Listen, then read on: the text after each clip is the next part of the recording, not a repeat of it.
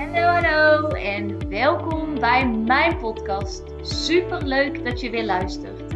Mijn naam is Bente en ik zie het als mijn missie om mezelf en zoveel mogelijk anderen te helpen naar hun droomleven.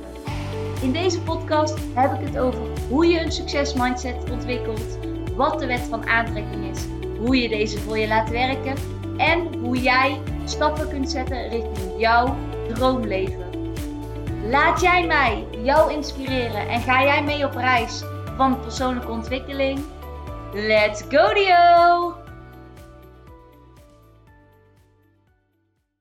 Hallo, hallo. Super leuk dat je weer luistert naar een nieuwe podcast. En in de podcast van vandaag wil ik het graag hebben over leven en ook de dood. Want ehm, mijn vriend stuurde me een bericht over vrienden van zijn ouders eh, en iemand die uitbehandeld is. En liet me nadenken over de dood en gewoon hoe wij daar als maatschappij ehm, eigenlijk op reageren.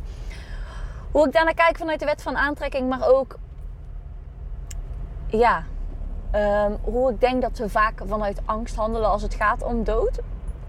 En ik moet zeggen, ik heb daar ook een tijd heb ik heel erg de angst gehad van, oh, wat nou als mijn ouders eerder doodgaan? Of kon ik me dan heel goed ehm, voorstellen dat mijn ouders ooit dood zouden gaan en hoe ik dan in de kerk zou zitten of waar dan ook. En uh, ik had ook heel vaak, vroeger werd ik regelmatig alles meegenomen naar een begrafenis, zodat ik dat ooit had meegemaakt. En dat niet bij mijn eigen opa of oma, zeg maar, dat dat de eerste keer was dat ik bij een begrafenis was.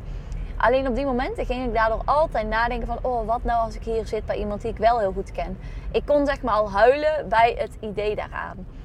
En inmiddels um, weet ik ook zeg maar... kijk, liefde hoort zeg maar bij het leven hier. En de dood hoort bij het leven. Ik denk wel echt, er is één gegeven in dit leven. En dat is dat we allemaal doodgaan. En wanneer, dat weten wij niet. Maar dat het gaat gebeuren, dat is één ding wat zeker is. En het gekke is, wij zijn ons, wij, wij, wij raken dat kwijt. Wij, wij zijn daar niet mee bezig. We, we beseffen ons dat niet. En wij leven ons leven. En ik geloof dat wij hier allemaal op aarde zijn gekomen met het idee van alles is mogelijk. Ik kan alles bereiken wat ik wil. Dat er een interne wijsheid in ons zit, die we inmiddels onze emoties noemen.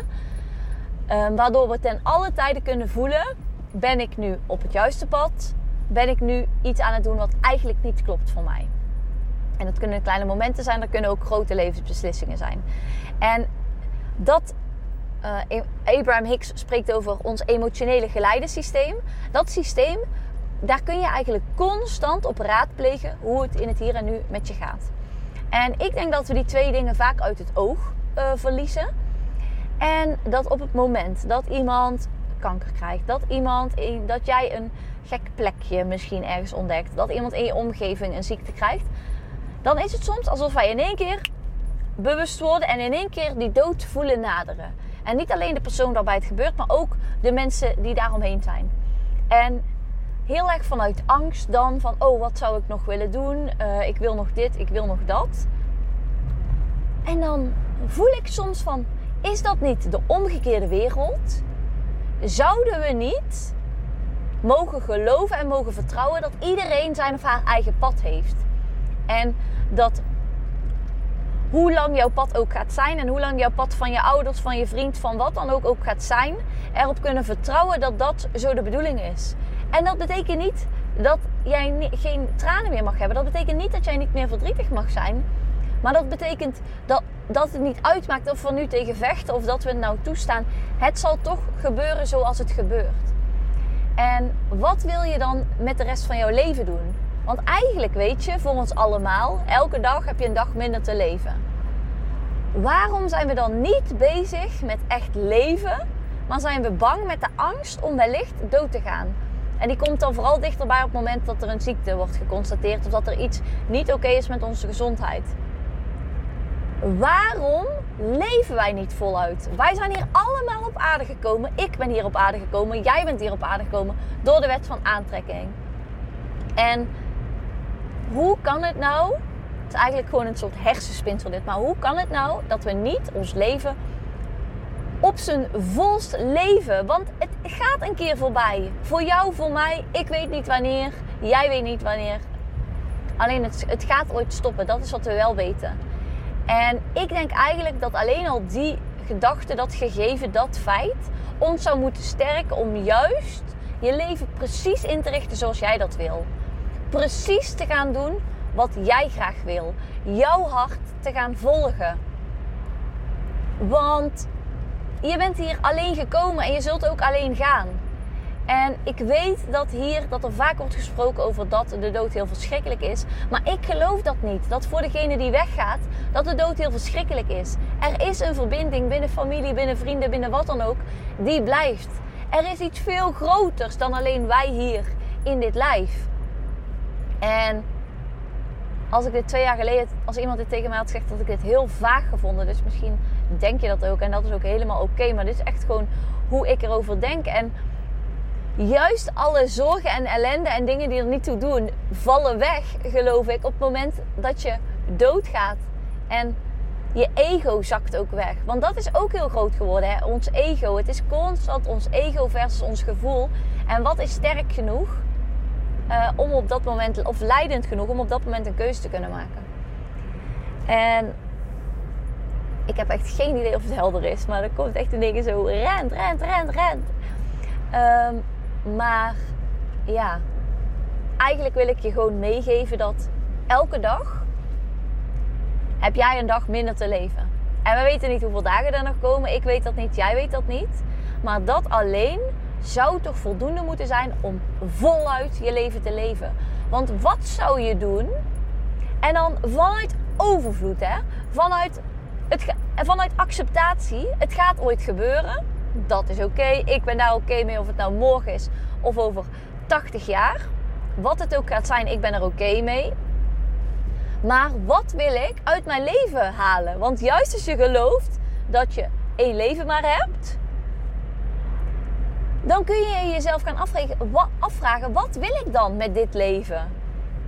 En zonder die angst van, oh help, ik ga misschien dood. Maar omdat ik dood ga, wil ik juist. Het gaat een keer voorbij zijn.